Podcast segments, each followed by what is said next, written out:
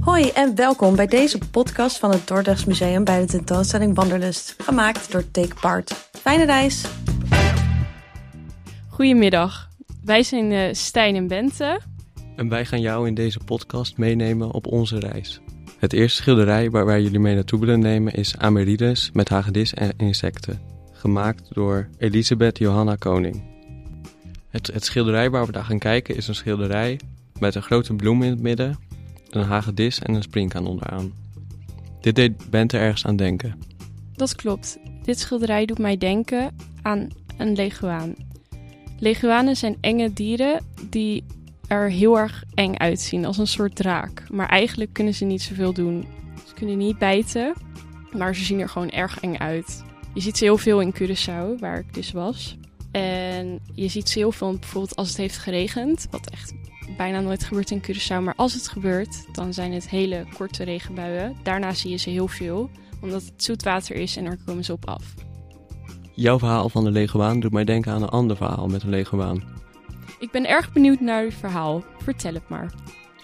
Nou, toen ik op vakantie was en um, ik, we, gingen naar buiten met eten, was ook op Curaçao. Toen, toen kwam er een leguaan op me afrennen en die klom op mijn benen. En wat heb je toen gedaan? Um, nou, hij klom eerst dus, hij, hij, klom dus via mijn benen omhoog en zette zijn nagels in mijn been. Oeh, dat, ja, oh nee. Dat voel je best wel. Ja.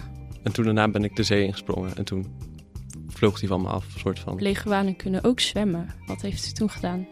Ik heb hem niet meer gezien sindsdien. Oké. Dus u heeft mooi afscheid genomen van de leguaan. Ja, ik weet niet of hij de sprong overleefd heeft.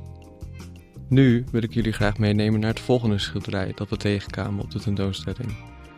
Het schilderij heet Vismarkt en het is gemaakt door Sigbeert Scherten. Op het schilderij zien we, zien we heel veel mensen staan. Ze lijken ergens druk mee bezig te zijn. Als je goed kijkt, zie je dat er bakken met vissen staan. Toen Bente en ik naar dit schilderij keken, bracht het een herinnering op bij Bente. Dat klopt. Zoals ik net al had verteld, ben ik in Curaçao geweest.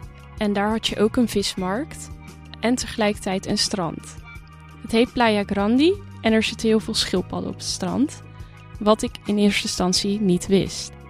Dus wanneer ik het water inging, zag ik een enorme schildpad die echt zo enorm groot was dat ik er helemaal van schrok. Maar schildpadden komen natuurlijk af op vissen, geur en vissen. Dus het was op zich wel logisch.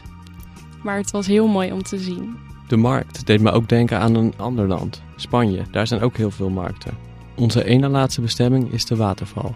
Bij deze waterval dachten we vooral aan rust. Hoe je tot rust kan komen van de drukke wereld. Daarom leek het ons goed om even te luisteren naar de waterval. Als je alleen al naar dit schilderij kijkt, voel je al de rust van de waterval. Ik heb hem zelf helaas nooit gezien, behalve in Blijdorp. Maar ja, dat is natuurlijk niet zo mooi als in het, e in het echt. Nu, na, deze rustgevende tour door de tentoonstelling... Komen door... we bij de eindreis.